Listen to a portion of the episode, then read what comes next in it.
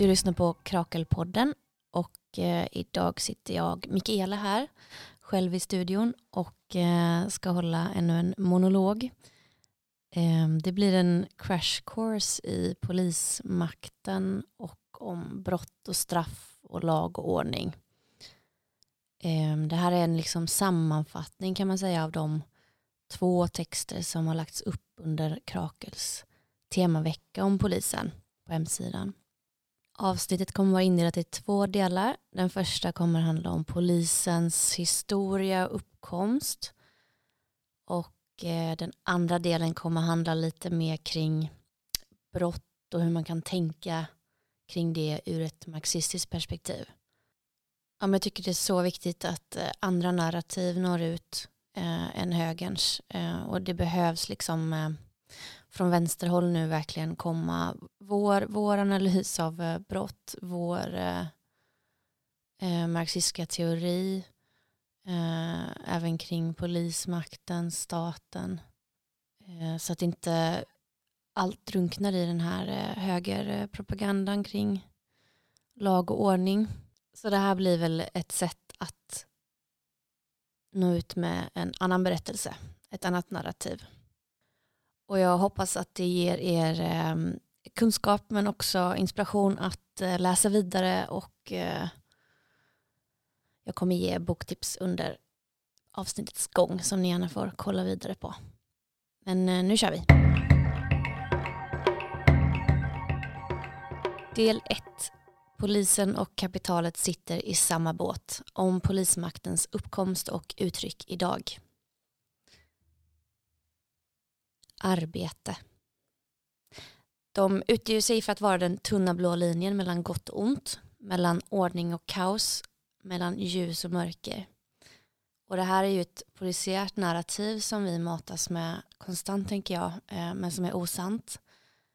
För det stämmer inte att den här konfliktlinjen ser ut så. Eh, utan det är faktiskt en konflikt mellan arbete och kapital. Och där är polisen lierad med kapitalet Eh, vilket ni kommer märka i den här delen. Eh, och polisen är en del av den eh, från medeltiden centraliserade statsmakten. Så skrev Marx i Pariskommunen 1871. Och tillsammans med då militär, byråkrati och rättsväsen så utgör polisen ett maktinstrument i hjärtat av klassmotsättningar mellan arbete och kapital.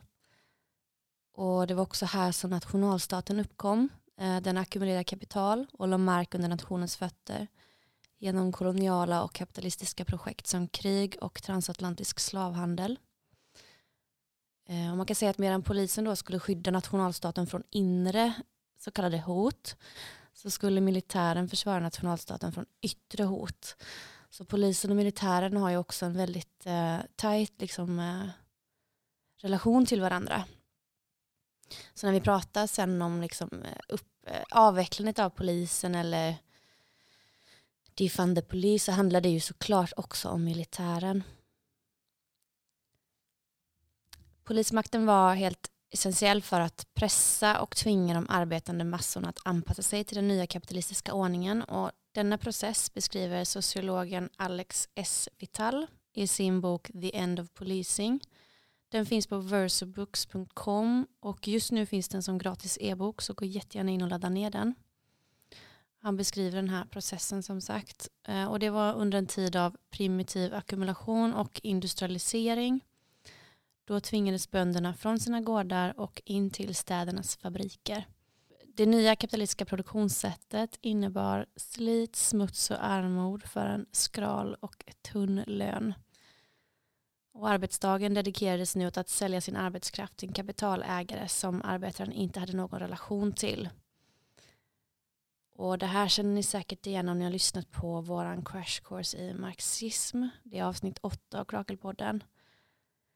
Eh, denna process innebar ju då att arbetarklassen separerades från produktionsmedlen med våld om det behövdes och tvingades till lönarbete. Det var ju en ny ett nytt koncept så att säga eh, som hör till kapitalismen. Så nu skulle arbetarklassen då skapa mervärde, alltså generera profit till kapitalet.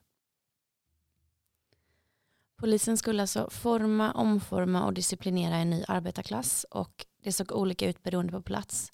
Men eh, vi hittar liknande mönster med Frankrikes Lieutenant General de Police under 1600-talet, USAs slavpatruller under 1700-talet, Englands Metropolitan Police och den svenska moderna poliskåren under 1800-talet.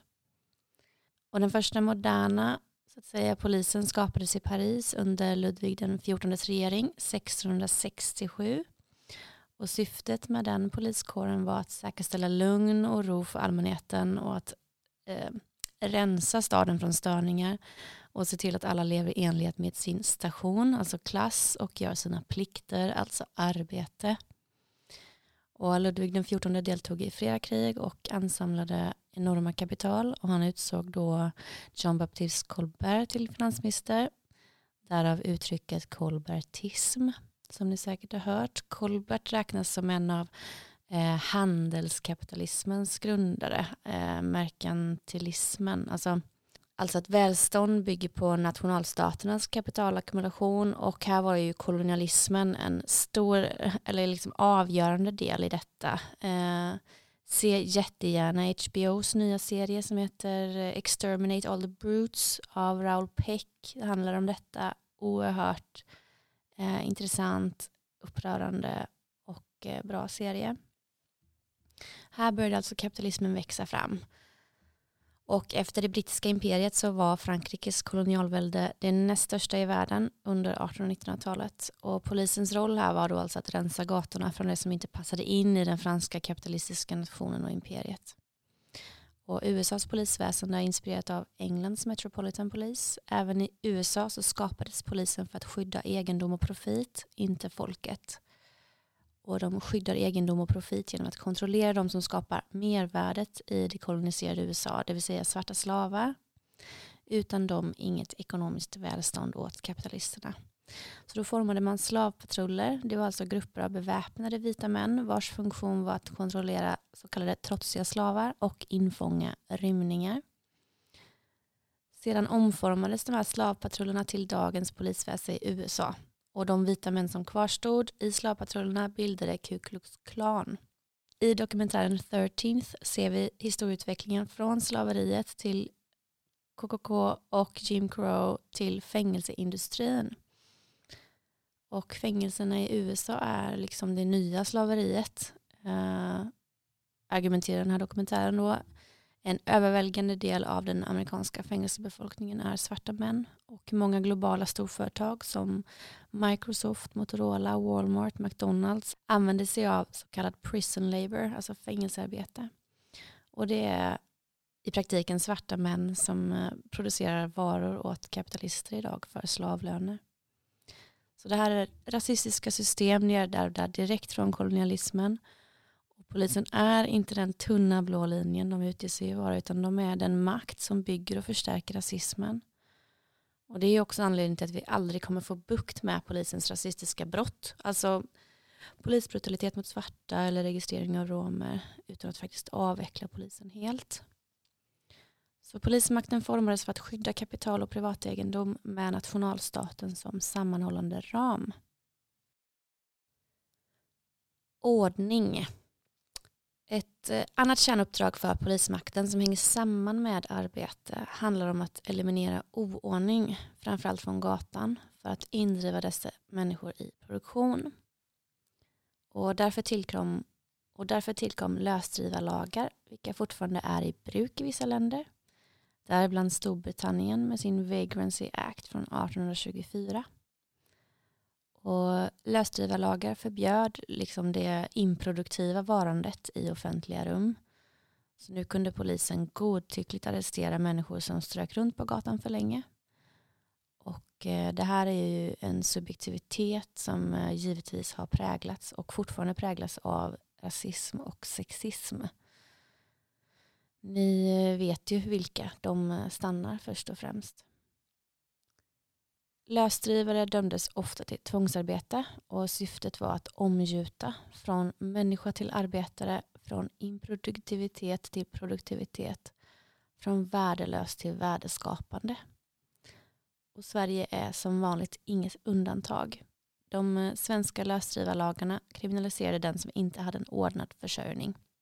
Och i Frankrike så införde man så sent som 2003 en ny lag som gav polisen befogenheter att gripa ungdomar som drev runt kring lägenhetshus nattetid. Och i Sverige som ni vet har återigen förbud mot tiggeri införts i en rad högerstyrda kommuner. Man kriminaliserar alltså friheten för att legitimera repression.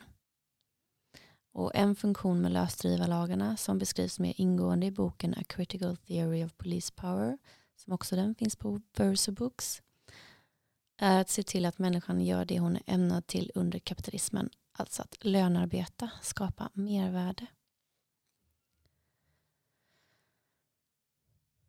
Och samma godtycklighet finner vi med reglementeringen av prostituerade. Den svenska moderna poliskåren grundades 1850 i Stockholm och de fick redan 1859 ett särskilt uppdrag. Att gripa kvinnor de misstänkte var så kallat lösaktiga. Sexköparna, män, tipsade själva polisen och ibland var polismän sexköparna själva.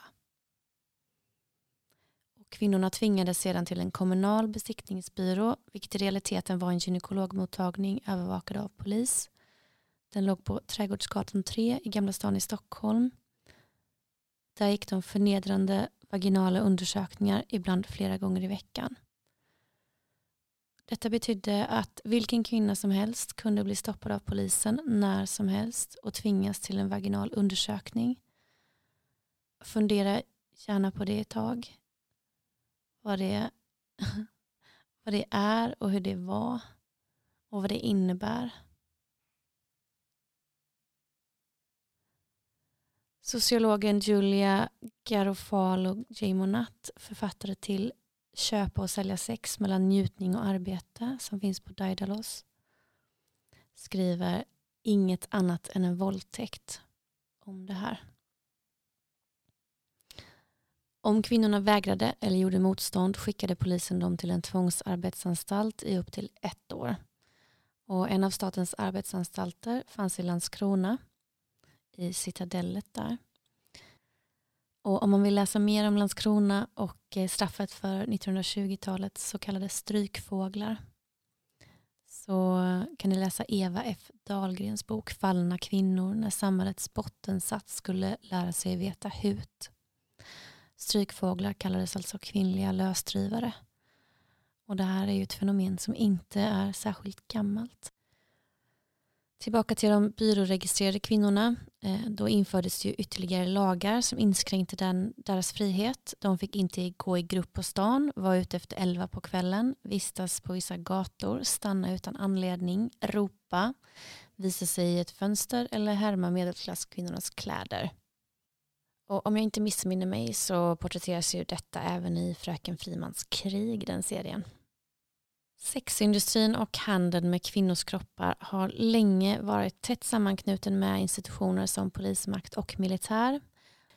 Runt om i Europa upprättades statliga bordeller strängt övervakade av polis och i kolonier tvingades ursprungsbefolkningens kvinnor att sälja sina kroppar till den koloniala maktens militär och myndigheter. Prostitutionen sågs som samhälleligt nödvändig, alltså som en social kontroll för att mätta manligt sexuellt begär och då också för att skydda de hedervärda medelklasskvinnorna från sexuella övergrepp. Samtidigt så gjordes den olaglig för kvinnorna. Denna typ av motsättningar präglar ordningens, lagens och polismaktens karaktär. Den korruption som idag finns inom polisen utspelar sig inte minst i sexhandeln. Vital, som jag nämnde innan, han beskriver en endemisk korruption där polisen bland annat kräver sex från prostituerade för att de ska slippa bli gripna, agerar hallickar, stjäl från och misshandlar prostituerade och utpressar prostituerade och sexköpare på mutor. Statsvetaren David Bailey skriver i Police for the Future från 94 så här. The police do not prevent crime. This is one of the best kept secrets of modern life. Experts know it, the police know it, but the public doesn't know it. Yet the police pretend that they are society's best defense against crime and argue that if they are given more resources, especially personnel, They will be able to protect communities against crime. This is a myth. Polismakt handlar inte om att förebygga brott utan om att säkerställa ordning. Metropolitan Police som formades under 1820-talet ägnade sig åt policing, att rätta. Uppdraget var att tvinga de som inte anpassade sig till rådande sociala och ekonomiska ordningar. Alltså att rätta människor utefter kapitalismens rigida mall. Boråspolisen Nadim, som gjort sig ett namn i SVTs Veckans brott, fick nyligen vara ansiktet utåt på polisens officiella Facebook-sida. I ett inlägg berättar Nadim hur han har slagit vad med en man som låg utanför en Hemköpbutik. Citat. Om du inte skärper till dig så slår jag vad om hundra spänn att du inte kommer fylla 60 år. Slutcitat, hade Nadim sagt. Mannen skulle sedan enligt utsago gått till receptionen hos polisen och bett om sina pengar när han passerat 60. Polismakten inbillar sig att den är moralens väktare, alltid med rätt att rätta och kontrollera andra. Nadim fortsätter, citat, mitt sätt att hantera mörker i samhället är att dra lärdomar och bli bättre själv.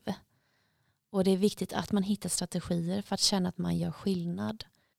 Den här gången gjorde jag det. Slutcitat. Ja, jag tycker det är skrattretande ärligt talat. Denna historia, där en polis alltså då bettar pengar på en utslagen människas liv och eh, tror sig då ha gjort skillnad och eh, dragit lärdomar av samhällets mörker och blivit bättre själv. Den användes stolt som marknadsföring för att rekrytera till polisutbildningen. Är du redo för en större uppgift? frågar polisen. Polisen är alltså ett verb. Polisen är att forma, skapa, eliminera. Polisen är att tvinga, våldföra sig, disciplinera. Och det är den än idag. I A Critical Theory of Police Power konstaterar man att eh, man kriminaliserar inte aktiviteten utan statusen. Statusen kan vara arbetslös, vilande men också avvikande. Polisens funktion handlar därför i mångt och mycket om strömlinjeformning och homogenitet. Samma homogenitet som poliskåren själv präglas av. Det är därför den polisiära närvaron är hög bland sociala grupper som på olika sätt sticker ut i sin annanhet. Avvikelsen tolkas som ett hot. Ett hot om kaos, oordning och anarki. Man vill inordna människor i fasta former, kategorier och klasser. För att tala klarspråk hur många knarkiga poolfester i Bellevue tror du att polisen sådär spontant patrullerar kring? Titta gärna också på eh, polisreklam om ni googlar det.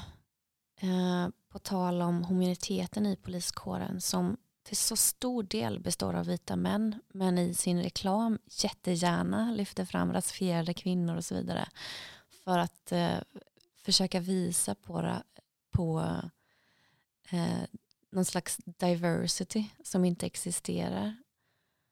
Eh, det är så slukt och medvetet och eh, pinsamt rent av. Okej, vi går vidare. Malmös östra områdespolis, alltså kring Rosengård, la nyligen upp en bild på sitt Instagramkonto. På bilden syns en polisman bakifrån när denne knackar på en lägenhetsdörr. Texten lyder citat Idag har vi gjort flertalet hembesök hos ungdomar vi känner oro för. Detta för att komma i kontakt med föräldrar och för att uppmärksamma dem kring de riskfaktorer som ungdomen verkar befinna sig runt. Slutcitat. Riskfaktorn de aldrig kommer att nämna är kapitalismens systematiska och strukturella fattigdom som ligger till grund för brottslighet, utanförskap och alienation. Och det här hembesöket av statens våldsapparat behöver jag väl knappast påpeka. Riskerar att ytterligare traumatisera en redan utsatt och ansatt familj. Här kan vi också stanna upp en stund och fundera på vad detta innebär för, en, för barn och för ungdomar när uniformerade män knackar på ens hem, kommer in i ens hem i den här munderingen och ska liksom uttrycka då som de säger sin oro kring olika riskfaktorer. Alltså jag kan inte ens föreställa mig hur det är som barn att uppleva det. Och för den familjen. Ja det, är, ja, det är verkligen ett misslyckande att det ska se ut så, tycker jag, i ett samhälle. Att man ska ha uniformerad personal, min, liksom en, en våldsapparat som knackar på ens hem. Att polismakten getts våldsmonopol är avgörande för dess existens. Det är den enda myndigheten med rätt att utöva våld och tvång mot sina medborgare. Och det här är alltså avgörande för att polismakten ska lyckas med sitt uppdrag. Jag vill också nämna kroppen i relation till ordning. För den fysiska kroppen är polisens främsta verktyg för att upprätthålla ordning. Och det är därför polisen inte tillåter olika former av funktionsnedsättningar i sin rekrytering. Eh, även BMI spelar roll om man läser på polisens hemsida. Och BMI är ju ett mätinstrument som har rasistiska rötter. Eh, ett verktyg som placerar den vita mannen som idealtyp. Och till den fysiska kroppen så räknas även hjärnans materialitet. Den som har eller någonsin har haft en neuropsykiatrisk diagnos som autism eller ADHD kan aldrig bli poliser. Inte för att vi vill, eh, men det säger något om polisens homogenitet. Motstånd. Arbetarklassens svar på kapitalismens exploatering har varit en organiserad och stark arbetarrörelse. Med den har vi gjort motstånd genom strejker, protester och demonstrationer. Därför blev ett av polisens viktigaste uppdrag att splittra och nedgöra arbetarrörelsen då den hotar kapitalet. Och det har man gjort genom ideologiska taktiker som antikommunistiska röda faran eller genom fysiskt våldsutövande. 2014 red Malmöpolisen blodigt ner antifascistiska demonstranter i Limhamn. Vital skriver citat As immigration and industrialization transformed the economic and social landscape in the late 19th and 20th centuries, local police were increasingly involved in suppressing workers' movements. In most places, local police played a major role in suppressing strikes. Konfliktlinjen är arbete mot kapital. Polisen hör till den senare, vilket förklarar varför staten jagar och straffar arbetarklassens påstådda bidragsfusk men inte kapitalistklassens skatteflykt, bedrägeri och korruption. För ni vet ju det, företag och banker kan i princip göra vad som helst. Eh, när Swedbanks gigantiska penningtvättsskandal utvecklades 2019 så lämnade vdn Birgitte Bonnesen banken med en ersättning på 31 miljoner kronor. Inga finansmän och bankirer med ett undantag, på Wall Street dömdes efter finanskrisen 2008 trots bedrägeri. De som dömdes var tusentals arbetare världen över som drabbades av fattigdom och hemlöshet på grund av den då djupaste ekonomiska kris sedan 30-talet. Sociologen och kriminologen William Chambly menade att nationers egendomslagar i synnerhet skyddar människor som äger, den ägande klassen, och några som är helt utan egendom och därför står utan skydd är ju en skuldsatt arbetarklass eller en flykting utan tillhörigheter eller en hemlös. Arbetarklassen tar alltid smällen när överheten fuskar och kapitalismen krisar. Vilka fler som i likhet med företagen representerar kapitalet är nära på immuna mot att dömas för brott? Polisen, Funktionsnedsatta Erik Torell sköts 2018 till döds. 25 skott avlossades av tre poliser som redan innan den friande domen erhöll rätten att arbeta kvar som poliser. Och det finns hundratals fler exempel världen över. Den svenska polismakten och i princip hela den politiska skalan med den kräver idag mer resurser och personal. Det vi riskerar genom att ge ännu mer resurser till en polismakt som istället hade behövt avvecklas är att de får ytterligare kontroll över samhällets produktionsmedel. Med sina enorma resurser kommer polisen att använda ny teknik till sin fördel och till arbetarklassens nackdel. Under maj ska en ny kontroversiell teknik för ansiktsskanning implementeras i Sverige. Andra redan utbredda metoder är kameraövervakning, även med drönare, resursslösande polishelikoptrar och sms-avlyssning. Polismakten är en drivande spelare i en alltmer eskalerande övervakningskapitalism. Den högteknologiska och repressiva framtiden ser dystopisk ut. Polisen är alltså ett instrument för klassförtryck för att kunna upprätthålla kapitalismen och imperialismen. Um, och enligt marxistisk teori så är ju staten då en del av samhällets överbyggnad som man säger och staten bibehåller den ekonomiska basen, det vill säga det kapitalistiska produktionssättet. Så polisväsendet är en del av staten och en del av det som bibehåller och formar vårt ekonomiska system. Och det är därför folk säger ACAB. Det är liksom en rutten institution i ett ruttet system. Eh, det är därför det inte kan finnas så, eh, så kallade bra poliser utan det, är liksom, det här är en systemkritik. Man tittar på vad polisen byggdes för. Den byggdes för kapitalet, inte för folket. Och jag tror på polismakten lika lite som jag tror på kapitalismen. Den förra hör till den senare. Och Mo Sedlak skriver på workerspower.net och det här är min översättning. Citat. Kapitalisterna kan inte ge upp sin våldsapparat, alltså polisen, om de vill behålla makten. Slutcitat. Så utan polisen och statsmakten så faller basen och att avveckla polismakten är att börja nedmontera det ekonomiska systemet. Ett friare samhälle har givetvis ingen polis, ingen militär, ingen ordningsmakt. För mig är detta en total självklarhet. När vi bygger det frihetliga samhället kommer vi att avveckla polisen. Den har aldrig funnits för människorna utan för att upprätthålla den kapitalistiska ordningen.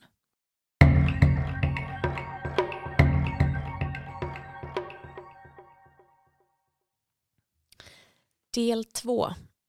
Våldsamma ideologier skapar våldsamma individer. Att tänka kring brott. Och den här Texten handlar om att ta ett marxistiskt perspektiv på brott, brott och straff, lag och ordning och så. Så jag ska börja med att presentera fyra teser om brott och sen så kommer jag prata lite grann om eh, en värld bortom polisen och hur vi som socialister kan tänka. Ett brott existerar i en kontext. Vem bestämmer vad som är brottsligt? Som jag påpekade förut så kriminaliserades ju lösdriveri runt om i västvärlden under 1800-talet. Och lösdriveri var ett brott för att det var en förutsättning för kapitalets fortsatta utbredning att människor rättade sig i ledet och lönarbetade. Och våldtäkt inom äktenskapet var lagligt i Sverige fram till 1965. Homosexualitet brottsligt fram till 1944. Så det första konstaterandet är att brott är subjektivt och existerar i en kontext. Det är alltså en politisk makt som sätter lagar påverkade av ett ekonomiskt system med tillhörande ideologi. 2. Kapitalismen skapar brott och framtvingar brottslighet. Många brott som existerar i kapitalismen existerar på grund av kapitalismen. Eh, denna förklaringsmodell har beskrivits av bland annat William Chablis som jag nämnde innan.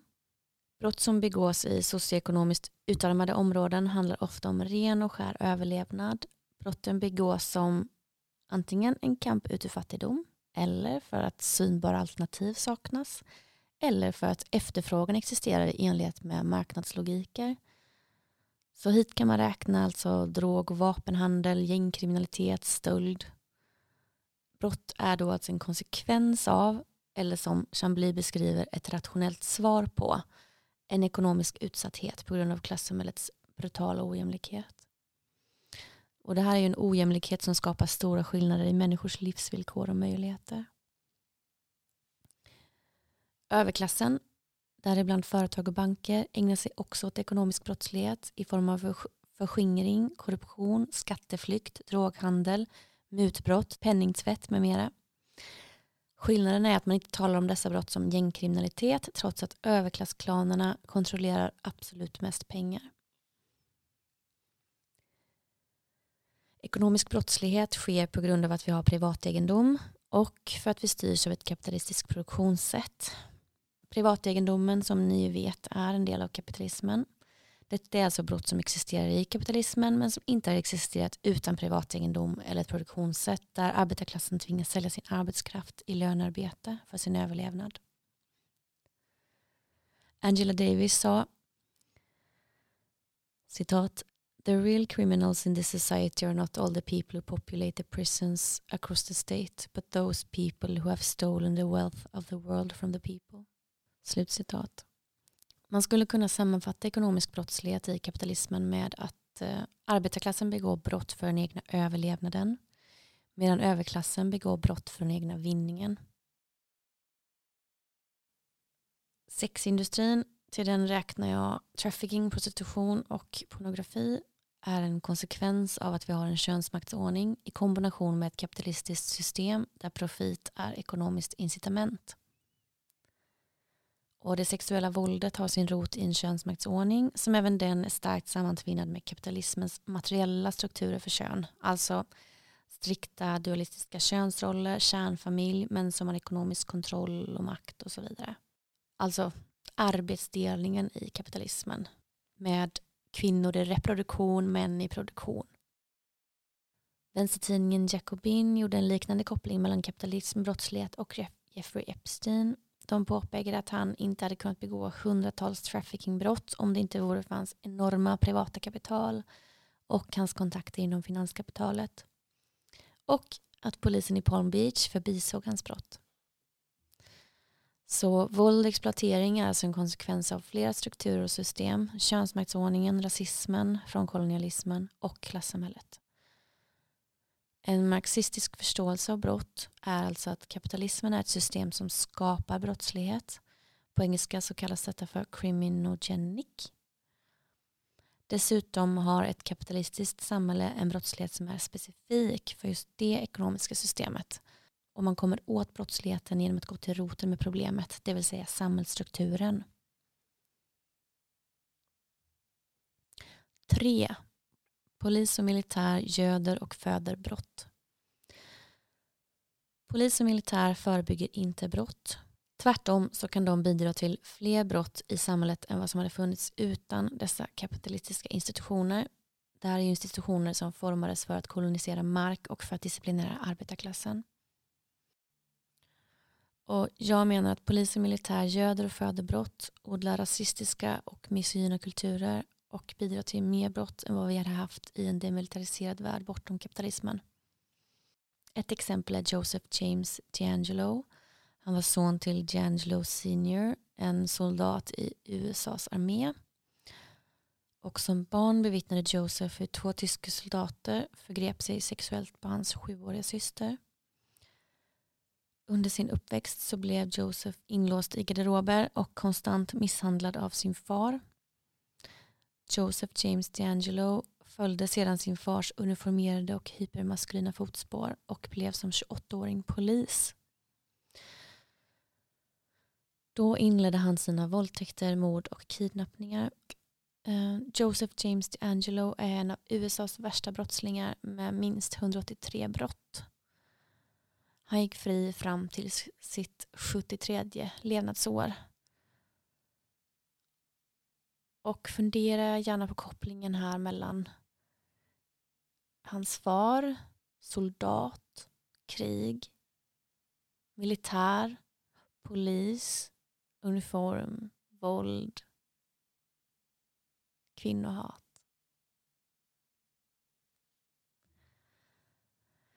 Detta perspektiv saknas ofta. Eh, vi lär oss att USA hade en våg av seriemördare under 1970-talet vilket tas som ett abstrakt och trolskt faktum. Som om det bara är så, som att det inte finns gångbara förklaringsmodeller.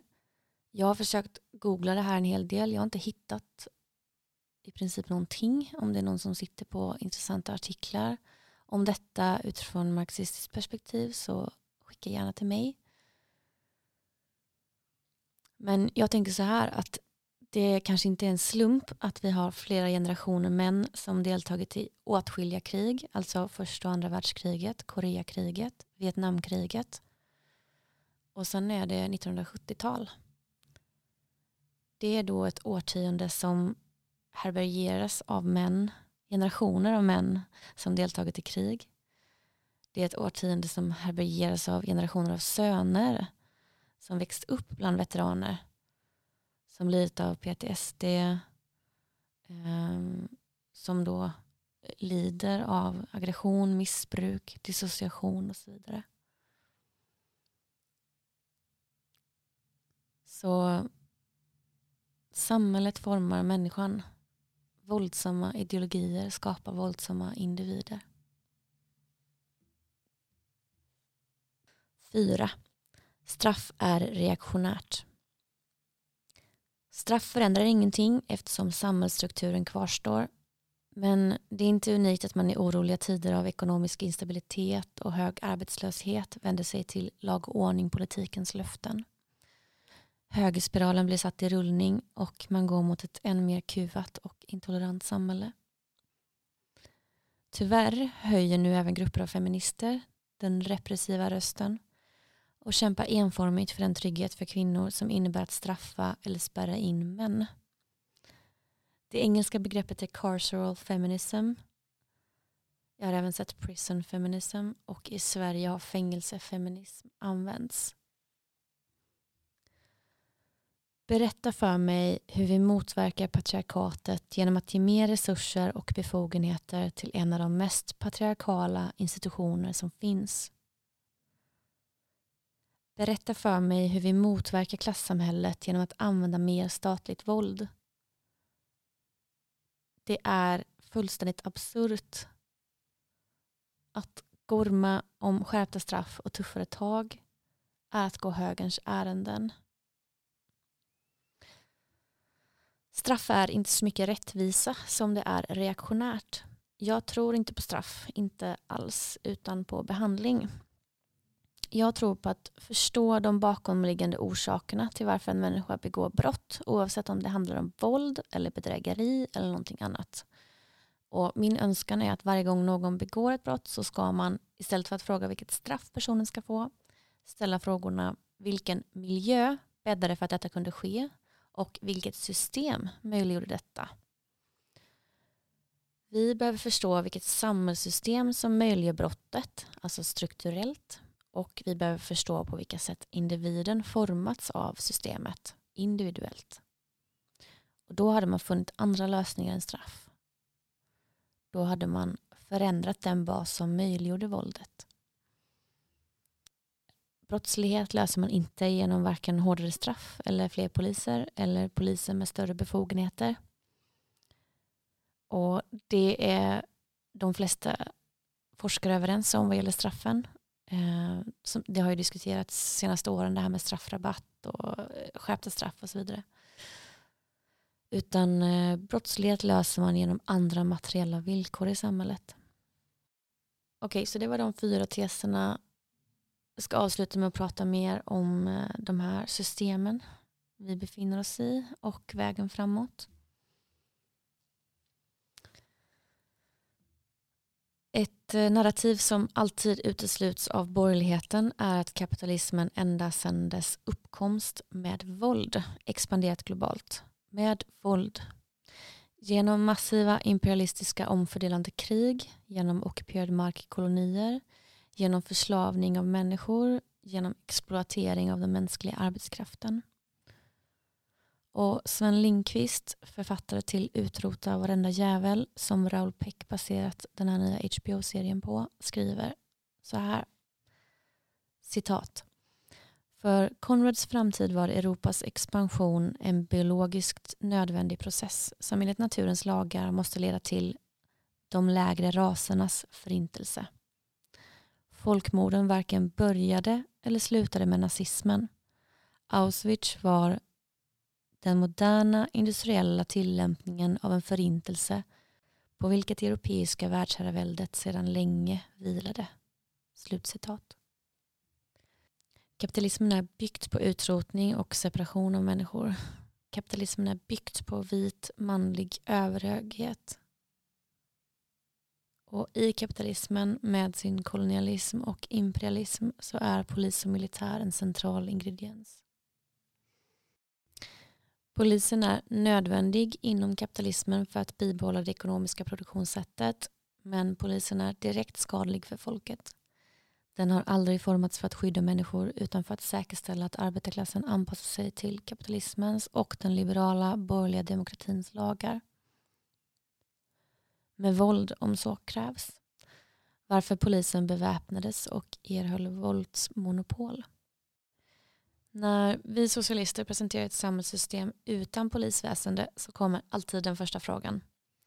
Vad ska vi göra med dem som roffar åt sig och skor sig på andra? Sådana finns ju alltid. Detta är kapitalismens favoritsaga och idé eftersom det existerar i kapitalismen. Kapitalism bygger på ackumulering av kapital. Privategendom och kapitalets krav på konstant ökad utsugningsgrad av mervärde bäddar givetvis för särskilda beteenden. I socialismen så existerar inte denna kapitalackumulation och exploatering av arbetare. Och då faller Adam Smiths och Thomas Hobbes cyniska syn på människan som girig och driven av egenintresse. För om pengar är meningslöst, om pengar inte ens finns, då faller ideologin där människor lever som separerade atomer och i darwinistisk anda kämpar för den egna vinningen eller överlevnaden. Jag är säker på att människor i grunden är solidariska och samarbetande organismer ett samhälle utan polisväsende öppnar upp för lokala kollektiva lösningar på rehabilitering, relationsskapande och terapi. En abolitionistisk metod som angriper brott på ett nytt sätt är transformative justice. Googla gärna detta. Där eh, samarbetar lokalsamhälle, offer och gärningsperson eh, och de tillgodoses med olika typer av behandling och resurser.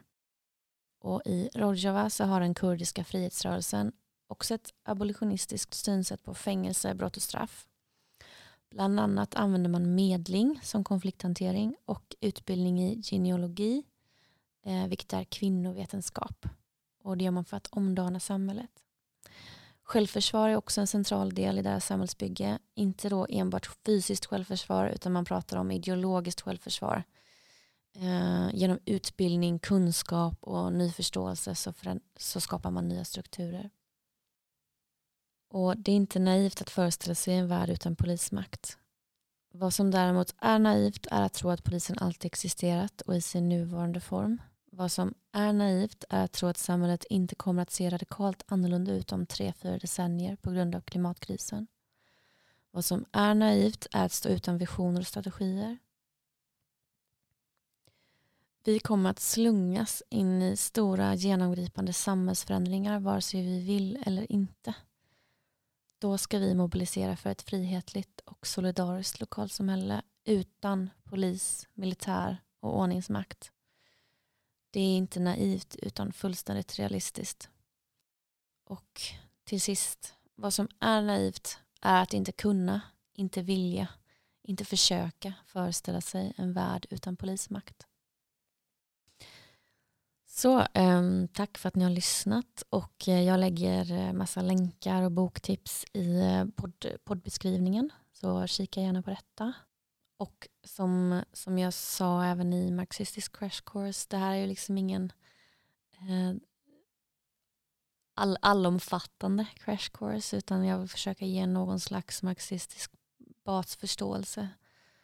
Eh, och jag är själv ödmjukt eh, lärande konstant i lärandeprocess. Så jag fortsätter lära, lyssna och titta och observera. Tack för att ni har lyssnat. Vi ses och hörs